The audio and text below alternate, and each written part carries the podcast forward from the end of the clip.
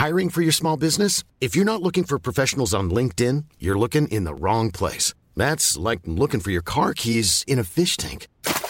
LinkedIn helps you hire professionals you can't find anywhere else, even those who aren't actively searching for a new job but might be open to the perfect role. In a given month, over 70% of LinkedIn users don't even visit other leading job sites. So start looking in the right place. With LinkedIn, you can hire professionals like a professional. Post your free job on linkedin.com slash people today.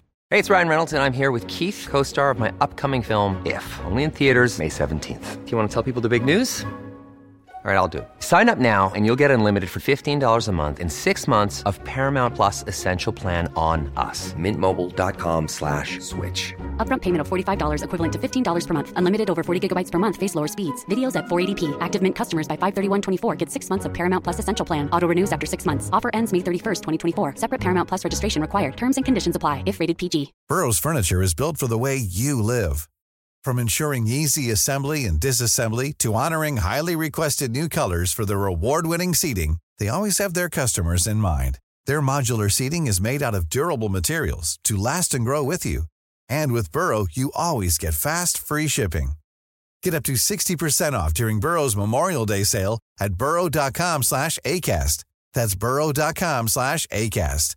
burrow.com slash ACAST. Ett härligt bjussigt snack om medgångar, motgångar och personliga erfarenheter på börsen blir det idag med ett par bästa vänner som har passion för privatekonomi. Du lyssnar på Smarta Cash, podden som peppar till en bättre ekonomi och rikare framtid med mig Isabella Amadi.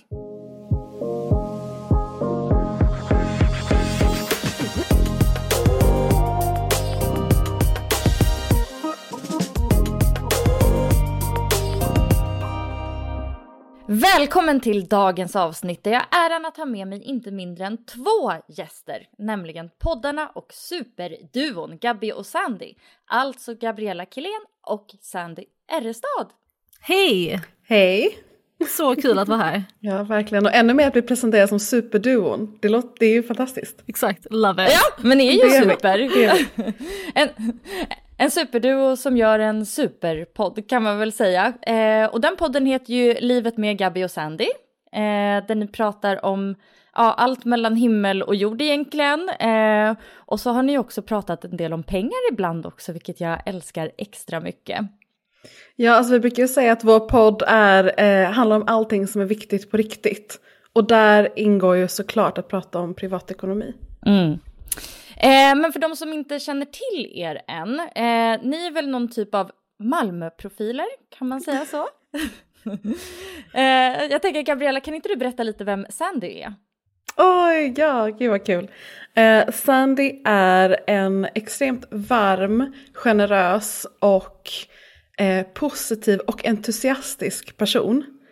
Och om man vill få Oj. ut det bästa av Sandy så ska man liksom presentera någonting på ett väldigt så här, peppigt sätt. Och då är det väldigt svårt att få ett gensvar som inte är ja, gud vad kul, vi kör!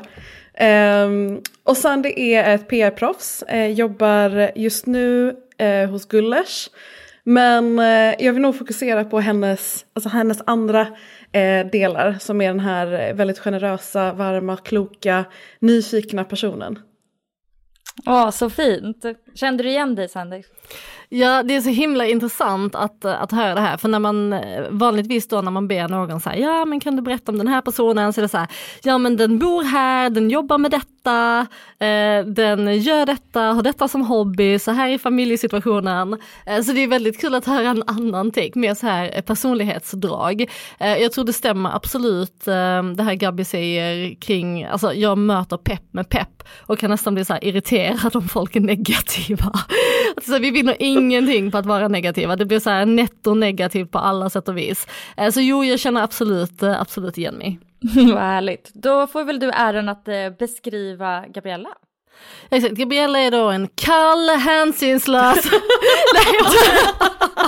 Alltså det, alla de grejerna som Gabby sa om mig stämmer ju extremt bra in på Gabby också. Eh, Gabby är eh, faktiskt eh, i särklass den mest generösa personen jag vet, alltså både när det kommer till tid, energi men också faktiskt pengar.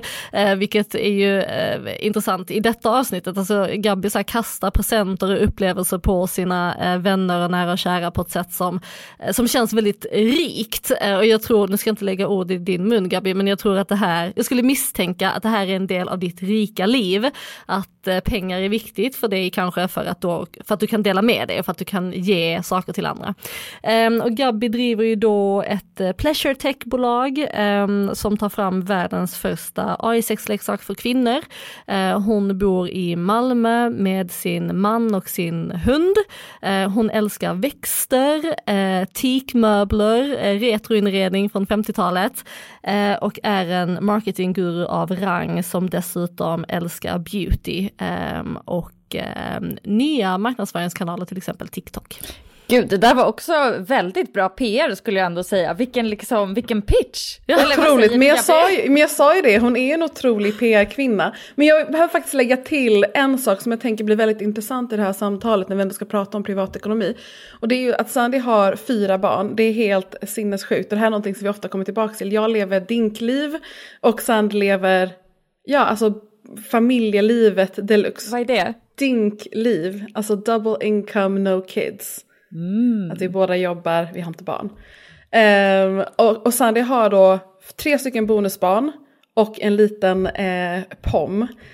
Um, och det här, vi har ju väldigt många samtal som handlar, kring, alltså som handlar om hennes liv, inte hennes liv versus mitt liv, inte alls så, men mer så här, okej okay, men hur skiljer sig liven åt? Och där pratar vi till exempel om så här, matkostnader.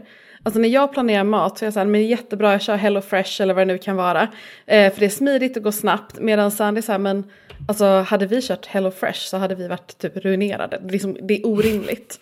Eh, men jag vill också lägga till att så här, generositeten hos Sandy, det kan man också se i hur hon navigerar, alltså bonusliv, alltså bonusmammalivet.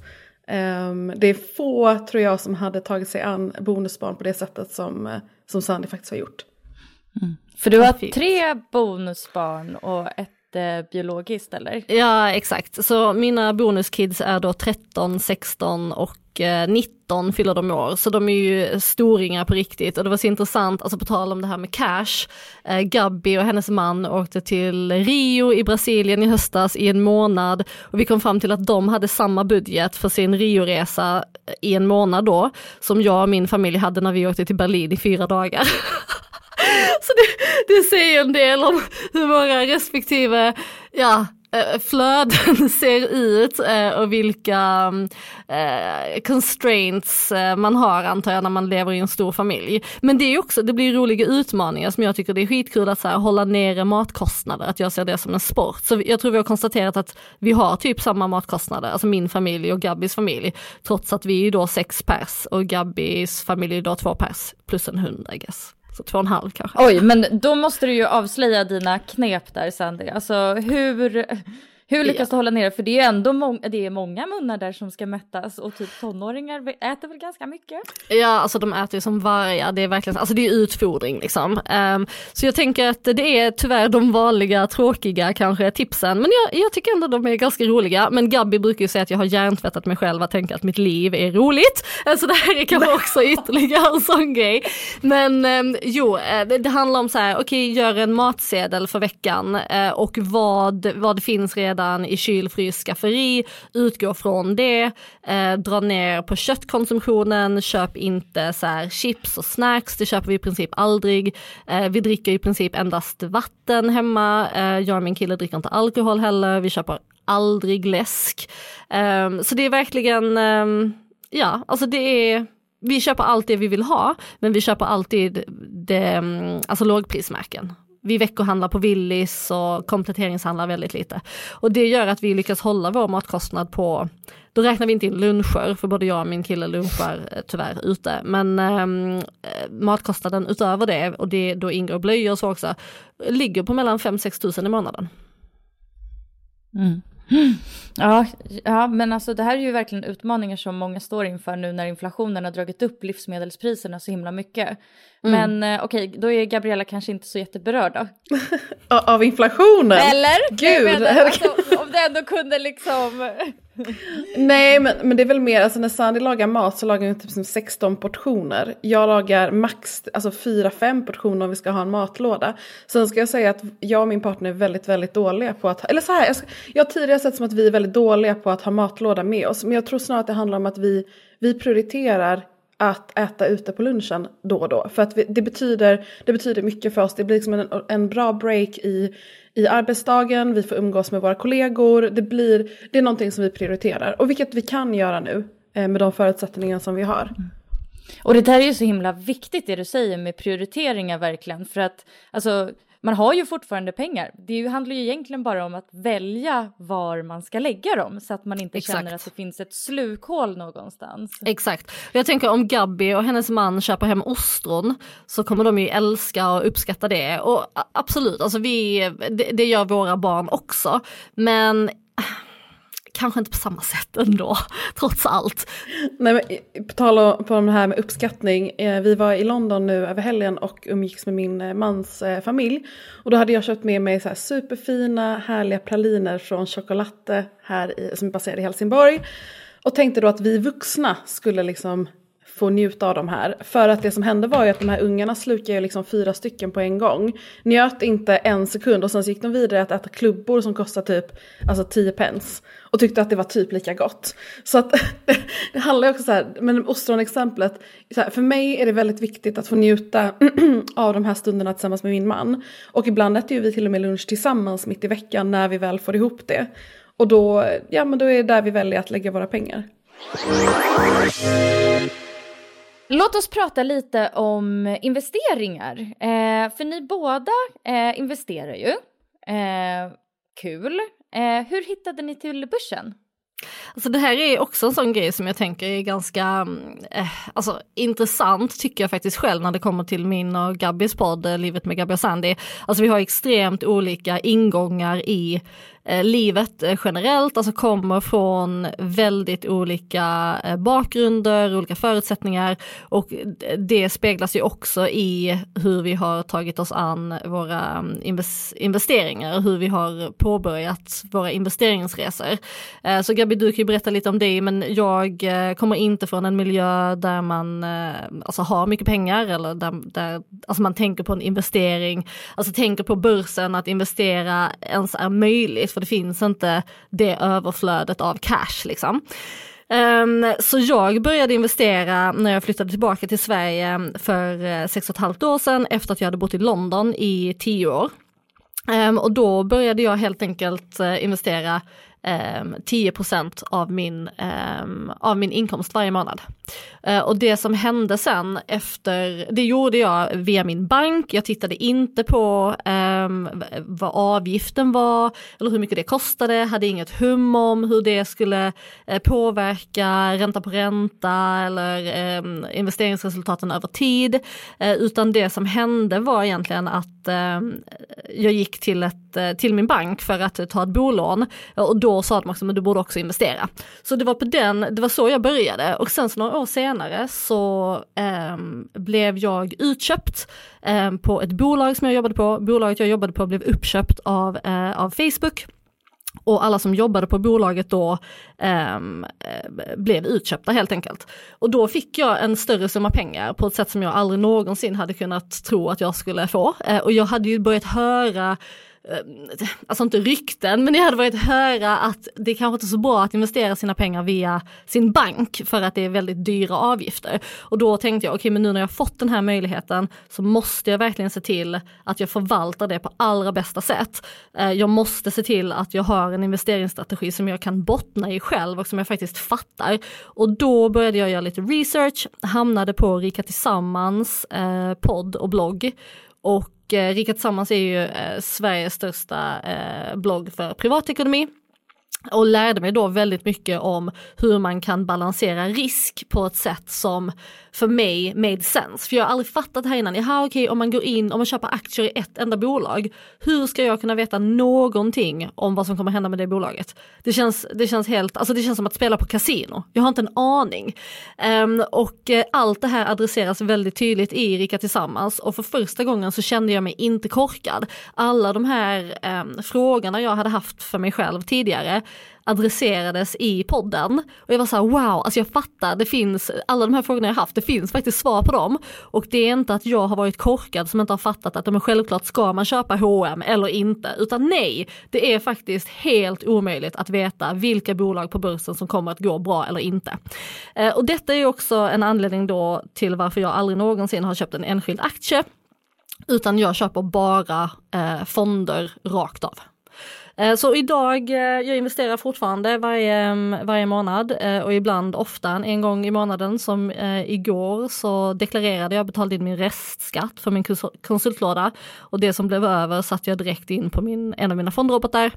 Ehm, och jag har investerat allt från 10% av min månadsinkomst till 55 och idag ligger jag väl på kanske mellan 20 och 30% i månaden. Så det var lite kort om min investeringsresa. Ja, och jag måste eh, passa på där och fråga också, kul att du investerar i fonder, det är ju verkligen en så bra riskspridning. Mm. Ehm, och du har en fondrobot, han plockar också egna fonder. Har du en egen fondportfölj? Nej, det gör jag inte, utan jag investerar uteslutande via fondrobotar. Spännande, har du några erfarenheter vilken som har funkat bra för dig? Har du testat olika? Jo, men ehm, det, alltså, det, jag och Gabi brukar prata om det ibland. Ja, nu har den här roboten gått bättre än den här roboten. Men det är som att jämföra äpplen och päron. För man vet ju inte, alltså det är ganska svårt att hålla stenkoll på vilka fonder som ingår i den här fondroboten. Och det är ju det som är hela USPen också, att man ska inte behöva eh, ha koll själv, utan man bestämmer sin riskbedömning och sen så tar roboten hand om resten. Eh, så jag kan ju se att eh, det är en robot som har gått bättre än, an, än äh, de andra. Men det handlar också om att jag kanske har tagit högre risk i den roboten än de andra. Så det är jättesvårt att göra någon typ av bedömning där. Så det jag tittar på egentligen är eh, vad, vem har den lägsta avgiften? Um, och sen så får man också komma ihåg och det här tycker jag är så viktigt att, ja det går upp och ner, så är det. Alltså historisk avkastning är ingen garanti för framtida avkastning, bla bla bla. Och när det går ner, ja då är det priset man får betala. Alltså man kan göra kalkylerade risker eh, och en kalkylerad risk man gör är när man tittar på, okej okay, men vilken robot har lägst avgift? Och utifrån det så väljer jag att placera majoriteten av det kapital jag har i, i fonder i den fondroboten. Mm. Hur var det för dig då, Gabriella? Hur eh, hamnade du på börsen? Eh, uh, jag, alltså jag, ska säga, jag växte upp i en kontext där väldigt många, inte bara liksom hemma hos mig, pratade om att investera. När jag var hemma hos vänner på middag så pratade deras föräldrar om att de investerar, de har köpt någon ny aktie. Eh, så jag är uppvuxen i Luxemburg där många jobbade på bank. Så att det var liksom en kontext där man pratade om det här. Och sen så har min pappa alltid investerat. Och det här är vår största så här, diskussion oss emellan. Det är att han pratade väldigt mycket med min bror om eh, pengar och investering och hur man kunde göra, hur man inte skulle göra. Och jag var aldrig riktigt en del av de samtalen men jag hörde alltid hur de pratade om det. Eh, så att han började väldigt tidigt att, eller min bror började väldigt tidigt med att investera i aktier. Och så här, jag började också väldigt tidigt om man tittar på så här, snittåldern. Även om jag själv nu inser att jag inte vet vad snittåldern för att börja investera är. Men eh, jag antar att den inte är liksom runt 17-18. Um, men um, så att han började väldigt tidigt så att det fanns hela tiden där. Men då pratade de enbart om aktier, alltså vilka bolag som man skulle läsa på om för att sen ta beslut om man skulle köpa en aktie eller inte. Så att när jag, började, när jag väl började investera sen, så att jag sparade alltid pengar. Jag började jobba väldigt tidigt. Så jag hade hela tiden med mig tanken att okej, okay, jag måste spara en del av den, av den inkomsten jag har. Men sen så var det flera år och jag bara sparade, sparade och inte gjorde någonting med pengarna. Medan min bror sparade, sparade, investerade pengarna och har ju väldigt mycket glädje av det idag. Eh, men så när jag väl skulle börja så köpte jag ju bara en, alltså, aktier. Jag köpte H&M, jag köpte eh, Kinnevik, jag köpte, alltså jag köpte väldigt så här det som jag typ hade hört folk prata om. Så ingen research överhuvudtaget utan bara det jag hade hört att man borde köpa. Och nu efter, Men typ det som man kan säga lite så här folkaktier, många ägare. Exakt så. Det finns en sak här också som jag tycker är intressant, alltså för den första kvinnan som jag uppfattade prata om investeringar är Isabella Lövengrip. Alltså hon var ju väldigt långt fram i hela den här diskursen, alltså kvinnor och investeringar i alla fall i vår generation. Och det var också hon som tillsammans med Pingis startade Ekonomista Facebookgruppen. Facebookgruppen. Och hon pratade ju jättemycket om att köp aktierna som du fattar, alltså köp aktierna som du själv förstår. Till exempel H&M. alltså om man köper Kinnevik, okej då ska man ha ganska bra koll på vad, vad är Kinnevik för typ av bolag, vad investerar de i? Eh, det, det är liksom en liten fondaktie i sig. Eh, så att köpa Kinnevik är, är väldigt långt ifrån att köpa till exempel H&M utifrån den filosofin som Isabella Löwengrip pushade för, för så här 10 plus år sedan. Mm. Nej precis och jag tror att de, de aktierna som jag köpte där och då var antingen aktier som jag hade, eller så här, bolag, eller så här, varumärken som jag kände till och kunde ingenting om bolagen eller bolag som jag hade hört folk att prata om. Så att de första, ska jag säga fem åren så köpte ju jag enbart aktier. Jag hade ju ingenting i fonder. Och hur gick det då, där i början? Alltså, det, för det är ju ändå liksom, det, när man börjar med aktier kan man ju också väldigt ofta få det rådet. Alltså titta dig runt i din omgivning, alltså vilka bolag känner du till som också då man kan handla med deras aktier? Så det är ju, alltså ditt bra första steg tänker jag, tröskeln blir ganska låg ja. för du vet, känner till varumärket. Ja, och sen så tror jag framförallt att det gjorde att jag fick en större, eller så här, jag fick i alla fall, jag fick följa med, jag menar aktier, de gick upp och ner hela tiden och jag fick känna av så här, hur beter jag mig när en aktie går ner? Och så här, jag betedde mig inte alls bra om jag ska titta på hur jag hade betett mig idag om samma sak hade hänt. Det som hände då var att nej, nej, nej, nu börjar den här gå ner, nu måste jag sälja den, det går jättedåligt för bolaget, jag måste sälja. Och, och så hade, den inställningen har ju jag absolut inte idag. Utan nu sitter jag ju på de aktierna, aktierna som jag faktiskt har valt att behålla. Så jag sålde av väldigt mycket senaste så att säga, åtta åren har jag sålt av ganska mycket aktier för att jag vill gå över till att behöva lägga så lite tid som möjligt på mina investeringar genom att använda fondrobotar. Så det är rätt så kul, jag har tagit en lång omväg till att hamna där jag egentligen ser att så här, bäst och lättast eh, genom att bara använda fondrobotar. Så där jag är idag så har jag sålt av väldigt mycket aktier och sen så allting som jag säljer av puttar jag in då i olika typer av fondrobotar. Eh, och sen så har jag behållit några så favoriter som jag tycker Vissa kanske är mer så emotionell attachment. Jag skulle absolut säga till exempel så här, Lyko som var ett av eh, köpen jag gjorde för, men kanske, gud är det typ fyra, fem år Jag kommer inte ens ihåg. Där har jag hållit, de har jag hållit kvar främst för att Alltså de, de, betyder någonting för mig och jag vet inte riktigt varför. Jag tror att det var för att det var en extrem uppgång efter att jag köpte dem. Och det var första aktien jag, jag hade köpt själv utan, eller som jag hade tagit beslut om att köpa själv utan att kolla med typ min bror eller min pappa eller någon. Utan bara så här, nej men jag tror på det här, jag köper de här aktierna och nu får vi se hur det går. Lite kasinokänsla nu i efterhand.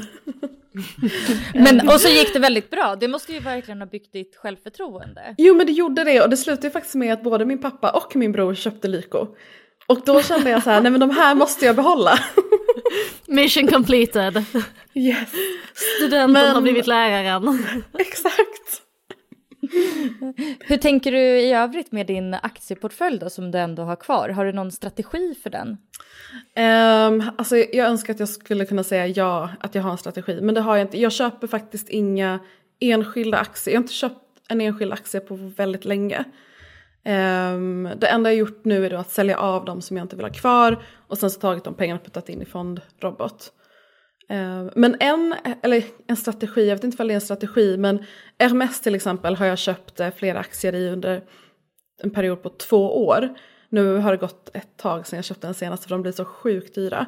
Men där har strategin mer varit så här, om jag kan tänka tanken att jag en dag ska köpa en Hermes-väska så måste jag kunna tänka tanken att jag ska köpa en Hermes-aktie innan det kan ske. Um, så det är bara en väldigt så här, specifik strategi som jag har för en aktie. Men så här, min strategi överlag är att ner med aktierna, mer in i fondrobotar. Mindre tid som jag ska lägga på investeringar. Mm. Så okej, okay, för det är ju det som är det praktiska liksom med fondrobotar. Man kan ju lämna det hela åt det. Man sätter en överföring typ och sen så sköter det sig självt. Alltså i, i övrigt liksom, är ni mer engagerade ändå? Alltså typ läser ni ekonomimedia, hänger ni med i typ marknadsnyheter, sådana saker? Ja, alltså verkligen. Jag tittar ju i princip bara på ekonomiprogram på tv till exempel. Så jag tycker det är sjukt spännande och min man, eh, eller min fästman, han jobbar ju inom eh, finans också, har gjort det väldigt länge och vi har väldigt olika investeringsstrategier vilket är väldigt kul. Ehm, så absolut är det så. Eh, och nu när ehm, Ehm, det var ju ett eh, Humana blev ju av med sitt ehm, eh, tillstånd för eh, några månader sedan, om det var, jag tror det var i mars. Och då störtdök ju, alltså det är ett assistansbolag såklart som blev av med sitt tillstånd och ehm, marknaden, eller aktien störtdök med så 55 procent. Och då var jag så här, hmm, är det nu Eh, jag ska göra mitt första eh, köp, alltså mitt första aktieköp. För det, det var ju ändå så här, okej okay, jag tyckte att vdn skötte kriskommunikationen eh, väldigt snyggt. Hon hade mycket bra eh, argument för varför det här var ett felaktigt beslut och de skulle överklaga um, det här beslutet som hade tagits. Um, och jag var lite så här, mm, det, jag tror ändå att de, eh, det är, alltså sagan är inte slut här. Det är inte bara så att eh, aktien dök 55% och sen är det slut. Men jag köpte aldrig um, och uh, aktien har ju gått upp uh, väldigt mycket sedan dess. Alltså jag tror att min analys var nog inte jättebristfällig. Alltså de fick ju, mm, vad heter det, de får ju lov att fortsätta bedriva eh, sin verksamhet eh, tills det kommer ett utlåtande från förvaltningsrätten helt enkelt. Och det gjorde att aktien gick upp igen. Så då hade man satt in, hade man gått in där så hade man ju absolut kunnat göra ett klipp. Ehm, och det kommer kanske bli något sådant framåt men... Ehm, men smart, smart, smart sådär att liksom ändå spökköpa.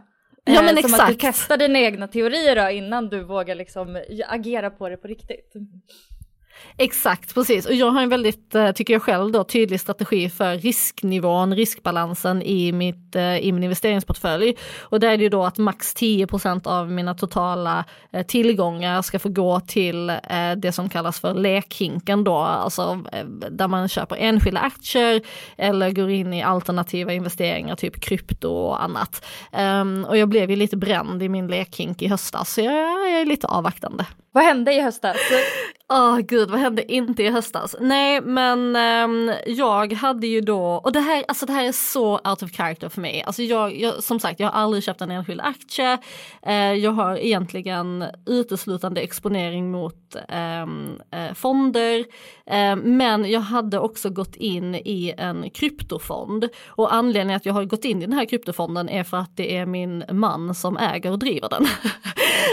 och jag tror det, det, är inte så att jag tror jättemycket på krypto specifikt, utan jag tror ju på honom väldigt mycket och jag tror på hela deras eh, trading, eh, alltså de sysslar med eh, arbitrage trading, vilket då innebär att ehm, alltså kryptovalutor köps, alltså man handlar med kryptovalutor på olika handelsplattformar och de, är inte, de har inte samma värdering på olika handelsplattformar. Som bitcoin kan till exempel kosta en krona, alltså nej det kan inte, men som ett exempel kan bitcoin kosta en krona på handelsplattformar handelsplats A och 1,50 på handelsplats B. Så då säljer och köper man när ehm, eh, värdet fluktuerar och så tar man hem mellanskillnaden.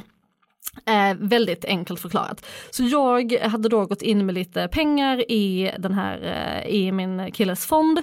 Eh, och sen så var det ju en stor eh, kryptokrasch i höstas när FTX, som är ehm, en stor kryptoaktör, när de gick eh, bast helt enkelt. Eh, och då hade, ehm, eh, då hade vi en exponering då mot eh, ehm, mot FTX. Alltså FTX är typ alltså din kryptobörs liksom.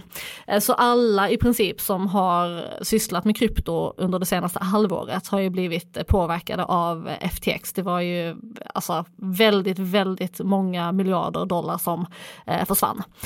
Um, så efter det så var jag så här, ja krypto, I don't know. Alltså. Uh, och alternativa investeringar generellt, um, ja Nej, alltså jag, jag, jag har ju som strategi att jag håller inte på med alternativa investeringar. Uh, utan jag, jag håller på med fonder, that's what I do. Så du hanterade det genom att eh, bli fortsatt försiktig mot annat än fondrobotar? Ja, men det var intressant för det som jag märkte då, det var så här, okej okay, men nu har jag förlorat ändå ganska mycket pengar på ett bräde. Alltså allt det här som, alltså, som Gabby sa innan, hur känns det att förlora pengar? Alltså innan man vet det, eller innan man har gjort det så vet man inte hur det känns och hur man kommer agera. Eh, och där kände jag att min strategi höll mig om ryggen. Att nej men jag har max, jag har inte mer än 10% av mitt, mina totala tillgångar i alternativa investeringar. Det här var en lekhink och fram tills den här kraschen så hade ju den här lekhinken alltså performed really well, alltså mycket bättre än alla min, alltså mitt övriga, eh, mina övriga tillgångar. Um, så det var intressant att observera mig själv, för det kändes faktiskt, um, det kändes uh, ingenting, utan det var så här, jaha, det här var ju tråkigt, framförallt tycker jag det är tråkigt för hela kryptoindustrin att, alltså, det, det, finns lite background här också i att FTX hade ett rykte av att vara en av de mer seriösa kryptoaktörerna eh, som var, eh, som hade en tongivande röst inom hur ska man reglera krypto och så händer detta.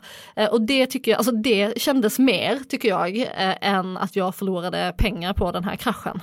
Har du kvar din lekhink då? Vågar du ha kvar lekhinken på 10 Ja, alltså lekhinken är ju nu då mindre än 10% blir det ju. Men eh, alltså jag har ju fortfarande kvar min, kvar min exponering. Jag har inte sålt av mitt innehåll i, i, eh, i Valid Alpha som den här fonden heter. Utan eh, det är kvar liksom. Mm. Mm. Mom deserves the best, and there's no better place to shop for Mother's Day than Whole Foods Market. They're your destination for unbeatable savings, from premium gifts to show-stopping flowers and irresistible desserts. Start by saving 33% with Prime on all body care and candles. Then get a 15-stem bunch of tulips for just $9.99 each with Prime. Round out Mom's menu with festive rosé, irresistible berry chantilly cake, and more special treats. Come celebrate Mother's Day at Whole Foods Market. Hey, it's Ryan Reynolds, and I'm here with Keith, co star of my upcoming film, If, only in theaters, May 17th. Do you want to tell people the big news? All right, I'll do it. Sign up now and you'll get unlimited for $15 a month in six months of Paramount Plus Essential Plan on us. Mintmobile.com slash switch. Upfront payment of $45 equivalent to $15 per month. Unlimited over 40 gigabytes per month. Face lower speeds. Videos at 480p. Active Mint customers by 531.24 get six months of Paramount Plus Essential Plan. Auto renews after six months. Offer ends May 31st, 2024. Separate Paramount Plus registration required. Terms and conditions apply if rated PG. Eh, och du då Gabriella, har du gått på någon nit? Men gud, så många. Eller nit. Um, men det skulle nog vara att um, kanske köpte någon aktie som varit väldigt högt värderad som alla har köpt. Och sen så har det kanske inte gått jättebra för den. Men jag har också gått på några så här, köpt som jag har hört någon prata om och så har det gått jättebra för den. Så jag skulle nog inte kalla det för en nit.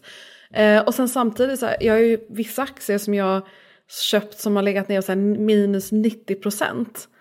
Och då har jag inte sålt utan bara haft en, ehm, alltså litat på att okej okay, men nu är det typ nere på botten. Om jag bara har lite uthållighet så kommer den förhoppningsvis gå upp igen. Och det har de flesta har ju faktiskt gjort det. Men det här är också på en period på 7-8 år. Exakt. Hade jag behövt de pengarna tidigare så hade ju det varit ja, riktigt surt. Ja, och det är det som är hela grejen, alltså förlåt, det är precis det som är hela grejen. Att man ska inte ha några pengar överhuvudtaget eh, mot någon marknad egentligen. Alltså behöver man cashen idag, detta året, har de då inte investerade? För det är alltid en risk. Eh, alltså om en aktie går ner med 90 procent, om man har uthållighet 10-15 år, ja förhoppningsvis så kommer den ju gå upp igen. Kanske inte hela summan, eh, för den måste ju gå upp mycket mer än vad den har gått ner för att nå samma eh, värdering igen. Men så länge man har, eh, så länge man har uthållighet så har man en helt annan position i, i, i hur det känns att så här, Eh, förlora inom situationstecken eh, pengar på till exempel börsen. Alltså det är, det är varken en förlust eller en vinst förrän man har realiserat. Precis. Um, nej men, men och, och så är det och jag tänker ju, alltså den, den inställning jag har till de pengarna som jag har investerat är ju att de inte finns där. Jag räknar ju aldrig med dem, nu ska vi renovera vårt kök och jag räknar inte med pengarna som finns investerade som en del i vår budget för att renovera. Utan det får jag lösa på annat sätt genom att ja, men alltså spara mer av min månadslön till exempel. Oj um, jag måste Ehm, fråga Gabi då, sänker mm. du då din, din investeringskvot för att du ska behålla pengar cash? Alltså likvida? Mm.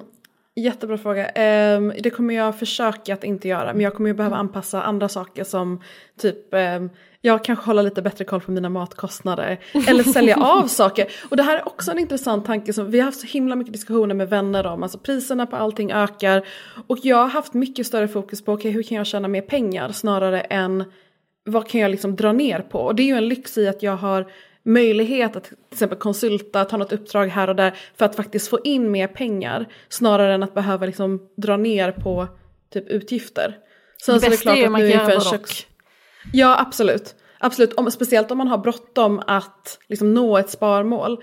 Nu känner inte jag att vi har jättebråttom med att nå det här sparmålet så då är det okej att jag fokuserar på att dra, ner, eller dra upp mina inkomster. Mm. Det är ju faktiskt jättesmart eh, tänkt för att även om man kanske då inte har tid med ett extrajobb kanske det då som du säger finns andra saker man kan göra för att öka på, sälja av grejer man har i sitt hem eller så. Ja, alltså framförallt sälja av saker, det är rätt sjukt varje gång. Och Sandy vet att du är ju himla bra på det här också. Få sådana här ryck och bara så här rensa hela hemmet. Och hur mycket pengar som faktiskt finns typ i en byrålåda. Och man tror typ inte att någon kommer vilja köpa det.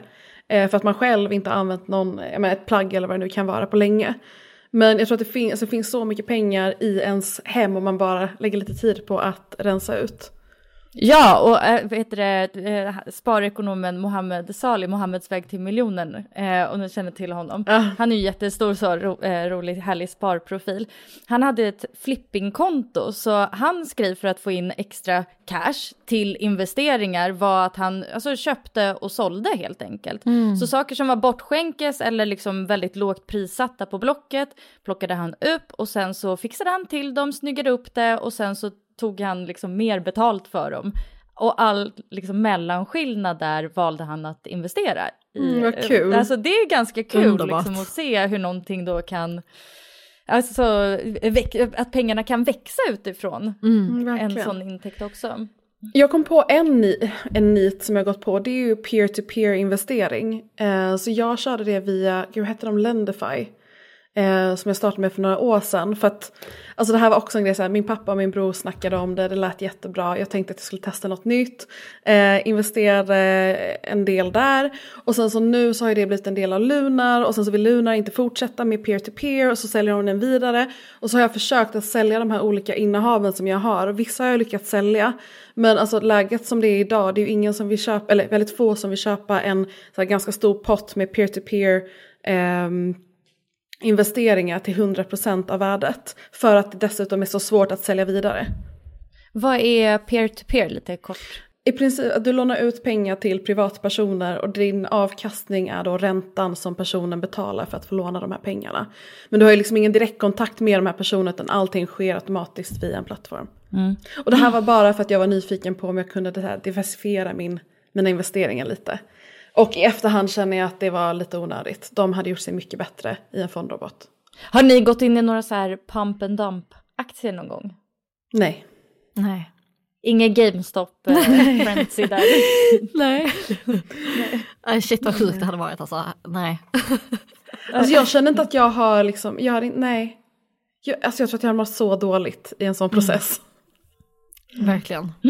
Har du gjort det? Nej, Nej. Jag, jag, det är så långt ifrån min riskprofil som man kan komma tror jag. eh, jag för det första eh, så tänker jag att det handlar ju också väldigt mycket om eh, ett aktivt engagemang om man nu ska försöka fa- eh, fånga liksom upp de här händelserna och man måste liksom på, ja men ibland nästan minutbasis gå in på, vid rätt tillfälle för att kunna tjäna pengar. Och jag menar den tiden, den kommer jag aldrig lägga på mina investeringar. Ja. Eh, och med den risken, nej. Men jag tror också att jag växte upp med en bild, alltså så här, vi pratade om aktier, vi pratade om investeringar, men det var också väl, jag har faktiskt ett jättestarkt minne av att jag var hemma hos en vän vars pappa var eh, daytrader. Och den spänningen som fanns i det huset hela tiden, han var ju alltid Alltså, han, det enda, han kunde liksom inte knappt ha ett normalt samtal som inte handlade om, han, om sitt jobb. Så jag tror att det, det har fått med den här känslan av att, att jag vill inte hålla på med sånt som känns alltså, läskigt. Jag tycker inte att börsen idag känns läskig men det är också för att jag har anpassat min risk eh, till en nivå där som jag känner mig bekväm med. Okay, minus de här peer-to-peer som jag har jättesvårt att bli av med nu. Um, men jag, jag liksom vill aldrig sitta i en sån sits där jag känner mig stressad över mitt innehav. Och det har jag varit. Tills jag liksom bör, långsamt började sälja av aktier för att ha mer, en mer balanserad portfölj. Men ni har ju ganska många samlade års eh, erfarenhet här på börsen. Vad skulle ni säga är era eh, dos and don'ts? Alltså den primära don är väl eh, sätt igång eh, börja. Eh, det är aldrig någonsin för sent att eh, börja skulle jag säga. Ehm, men om man också tänker så här, vad, vad sätter man på börsen? Det ska ju absolut inte vara pengar man behöver i närtid. Och det här rådet följer jag absolut inte själv, utan eh, jag har ju då, det, jag och Gabi har pratat om detta också, eh, att jag har ju eh, ingen buffert, utan jag har i princip allt, ehm, alltså allt mitt kapital placerat. Ehm, och det är ju för, alltså man, man, får också, man får göra sin egen riskbedömning. Så var det inte initialt när jag började på börsen. Då var det, jag jättenoga med att ha en buffert samtidigt som jag började investera parallellt med att jag började bygga upp min buffert för att jag ville känna på hur är det att investera, alltså hur känns det när börsen går upp och ner så här. Um, men också att man inte, alltså att man mejslar ut sin strategi Um, och det hjälpte ju Rika tillsammans med att göra väldigt mycket. Hade det inte varit för dem så tror jag att jag fortfarande hade varit ganska clueless kring hur ska jag tänka, uh, vad bör jag göra. Uh, men att man sen dels kan vara flexibel i sin strategi som um, den strategin jag har utgått från har ju utgått från att jag har en buffert, nu har jag inte det längre. Min, mitt, eh, min så här riskhink, lekhinken har ju ökat och minskat i storla, storlek över tid. Um, men också att man, att man inte agerar i panik när någonting så att säga oväntat händer. Och oväntat, alltså jag vet inte, det är inte oväntat att börsen går ner. Börsen går ner hela tiden och sen går den upp igen. Så eh, sälj inte bara för att börsen går ner. Alltså vänta dig att börsen går ner, för det kommer den att göra. Och när den då gör det, och man har väntat sig att den ska göra det, vilket man vet att man alltid gör, då blir det liksom inte lika panikartat. Alltså jag kan ju nästan tycka, jag, alltså, det här säger ju så mycket om ens eh, privilegier, men jag kan ju tycka att det är lite så här Alltså kul är väl kanske att ta in när börsen går ner, men att det är så här, oh, och vad händer nu och hur kommer det här räntebeskedet påverka? Alltså att man ser på det från ett um, ser på det som ett lärotillfälle. Mm. Ja exakt, att man har ett mycket större perspektiv än, åh kommer min lilla hundralapp gå upp eller ner i världen nu, oh vad läskigt. Alltså jag känner lite i det korta, I don't really care, för det här är inte pengar som jag behöver i eh, närtid, samtidigt som jag ju då plockar ut avkastning lite då och då. Och så här, oh det var ett par, jag vet inte, nu vill jag köpa den här tavlan, ja men eh, hej fondroboten, nu är det dags att casha ut lite. Så ja, Um, jag skulle säga så här, att månadsspara är mitt bästa tips. För att, för nå, någonstans, jag är också, Sandy var inne på det att hon månadssparar och det gör jag också. Men eh, det är ett sätt liksom att avdramatisera det, det sker varje månad och också att se det som att man betalar sitt framtida jag. Om det ja. känns liksom som att spara känns tråkigt. Utan oh. så här, jag betalar dina räkningar och så betalar jag mitt framtida jag och sen så that's it. Men alltså det här är, jag tycker det här är ett så viktigt tips. För eh, eh, vi fick ju en fråga så här, vad har ni för sparmål? Alltså jag kan ju känna mig lite kränkt om jag vill ha någonting och jag inte har råd med det. Alltså om jag ska behöva spara till någonting framåt, det är så här, ja men jag, jag måste spara till detta för jag har liksom inte, då kan det bli så här, ursäkta, alltså hur har jag hamnat i den här situationen? Eh, jag, nej, jag, jag vägrar det, så jag har själv inga konkreta sparmål. Men jag sparar ju för att jag aldrig ska hamna i en situation där jag vill eller behöver någonting och så ska jag behöva vänta Alltså, under, alltså jag ska behöva vänta i tid, alltså jag hatar att vänta, vänta i tid för att spara ihop de här pengarna. När jag istället kan spara nu för den här, det här framtida behovet eller eh, villhovet om man vill kalla det så. Mm. Har du, har du något eh, mer, liksom, eller har du ett konkret sparmål, Gabriella, eller är du också mer det här, alltså tryggheten i framtiden, valfriheten i framtiden? Mm, jag tror så här, valfriheten, men jag hade en period, en tanke på liksom FIRE, att bli financially independent, eller Men det är det, det, är det så för. Financially independent. Retire early. Ja, Retire. early. Just det, men det jag kom fram till var att jag har ju ingen vilja att retire early. Eh, så att då kändes det inte alls lika lockande. Så det jag istället gjorde var att jag tänkte på samma sätt. Eh, räknade ut hur mycket jag skulle vilja ta ut ur min liksom, pengamaskin eh, varje år för att till exempel åka på en resa. Eller som Sandy var inne på, bjuda vänner på en resa. Eller bjuda familj på en resa. Eller bara bjuda familj och vänner på något roligt. Så att jag tror att det är, det är inte längre FIRE. Men jag vill hitta, jag vill komma fram till den punkten då jag kan där jag inte behöver spara för att göra de här sakerna tillsammans med vänner och familj. Utan att det bara är någonting som jag kan ta från en pengamaskin utan att liksom, grunden påverkas. Kan man få bli bara FI då? då? Exakt, financial independent. Precis, eh, precis. och så har jag ingen så här vilja att, eh, eller ingen önskan om att inte jobba längre. Men det är ju det som är drömmen att um, alltså all guld, guldkant och mer genereras utan att man behöver faktiskt jobba för det. Eh, som till exempel, jag köpte en, eh, alltså en Celine-väska och tanken på att så här jobba ihop pengar med så här min hjärna I guess, för att sen gå och köpa en väska. Alltså den känns extremt främmande eh, och har svårt att se att jag faktiskt skulle göra det. Utan jag tog ju pengar från min avkastning. Eh, så det är mina pengar som har tjänat ihop pengarna till den här lyxväskan. Jo, alltså, det är ju jättehärligt sätt att se på det, för det är ju då gratispengarna. eller vad man ska säga. Alltså det Ja. är så sjukt. Alltså varje gång jag tänker på ränta på ränta så blir jag så här, alltså det här är så sjukt. Alltså det är liksom så, typ som Nej att men det tänka här på att det är rymden. åttonde, världens åttonde underverk. Exakt. Alltså, när, när ens egen ränta på ränta kommer i rullning, alltså, det är ju då man verkligen fattar. Exakt. Gud, det här är ett underverk. Ja det är så Nej, sjukt. men alltså varje det- gång jag går in och tittar på avkastningen så säger men gud, alltså mer, fler måste veta om att detta är möjligt.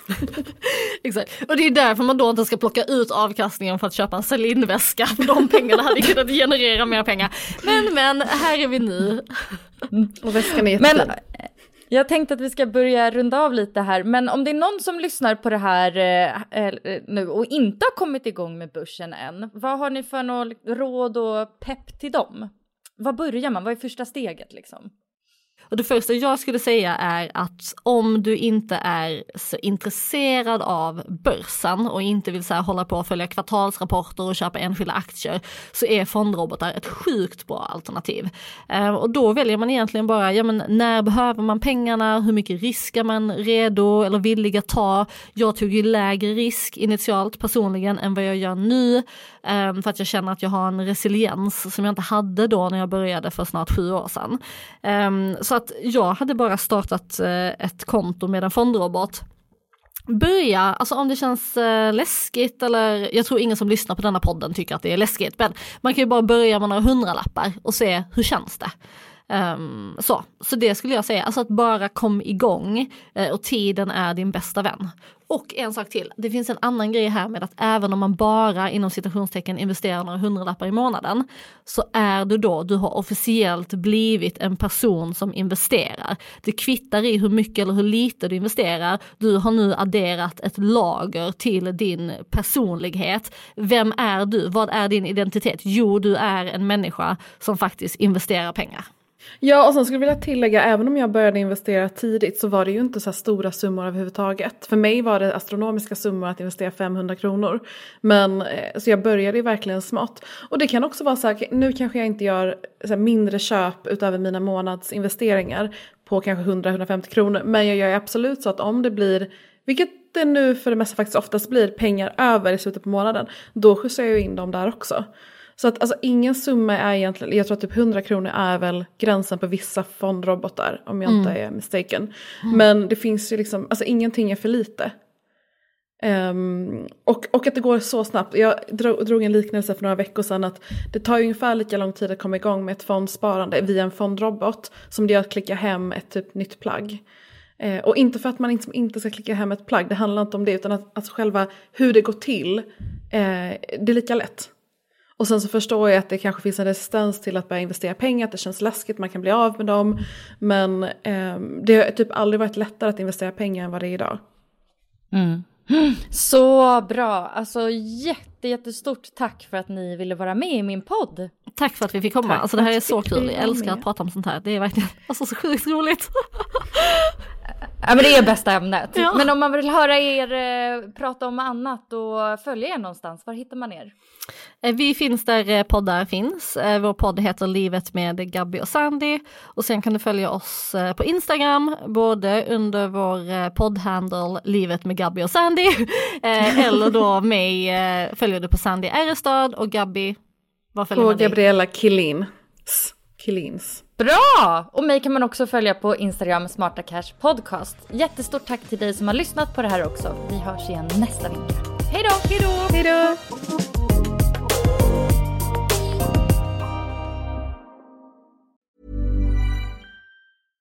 Hey, it's Paige DeSorbo from Giggly Squad. High quality fashion without the price tag. Say hello to Quince. I'm snagging high-end essentials like cozy cashmere sweaters, sleek leather jackets, fine jewelry, and so much more. With Quince being 50 to 80% less than similar brands. And they partner with factories that prioritize safe, ethical, and responsible manufacturing. I love that. Luxury quality within reach. Go to quince.com slash style to get free shipping and 365 day returns on your next order. Quince.com slash style. Mom deserves the best, and there's no better place to shop for Mother's Day than Whole Foods Market. They're your destination for unbeatable savings, from premium gifts to show-stopping flowers and irresistible desserts. Start by saving 33% with Prime on all body care and candles. Then get a 15-stem bunch of tulips for just $9.99 each with Prime. Round out Mom's menu with festive rosé, irresistible berry chantilly cake, and more special treats. Come celebrate Mother's Day at Whole Foods Market.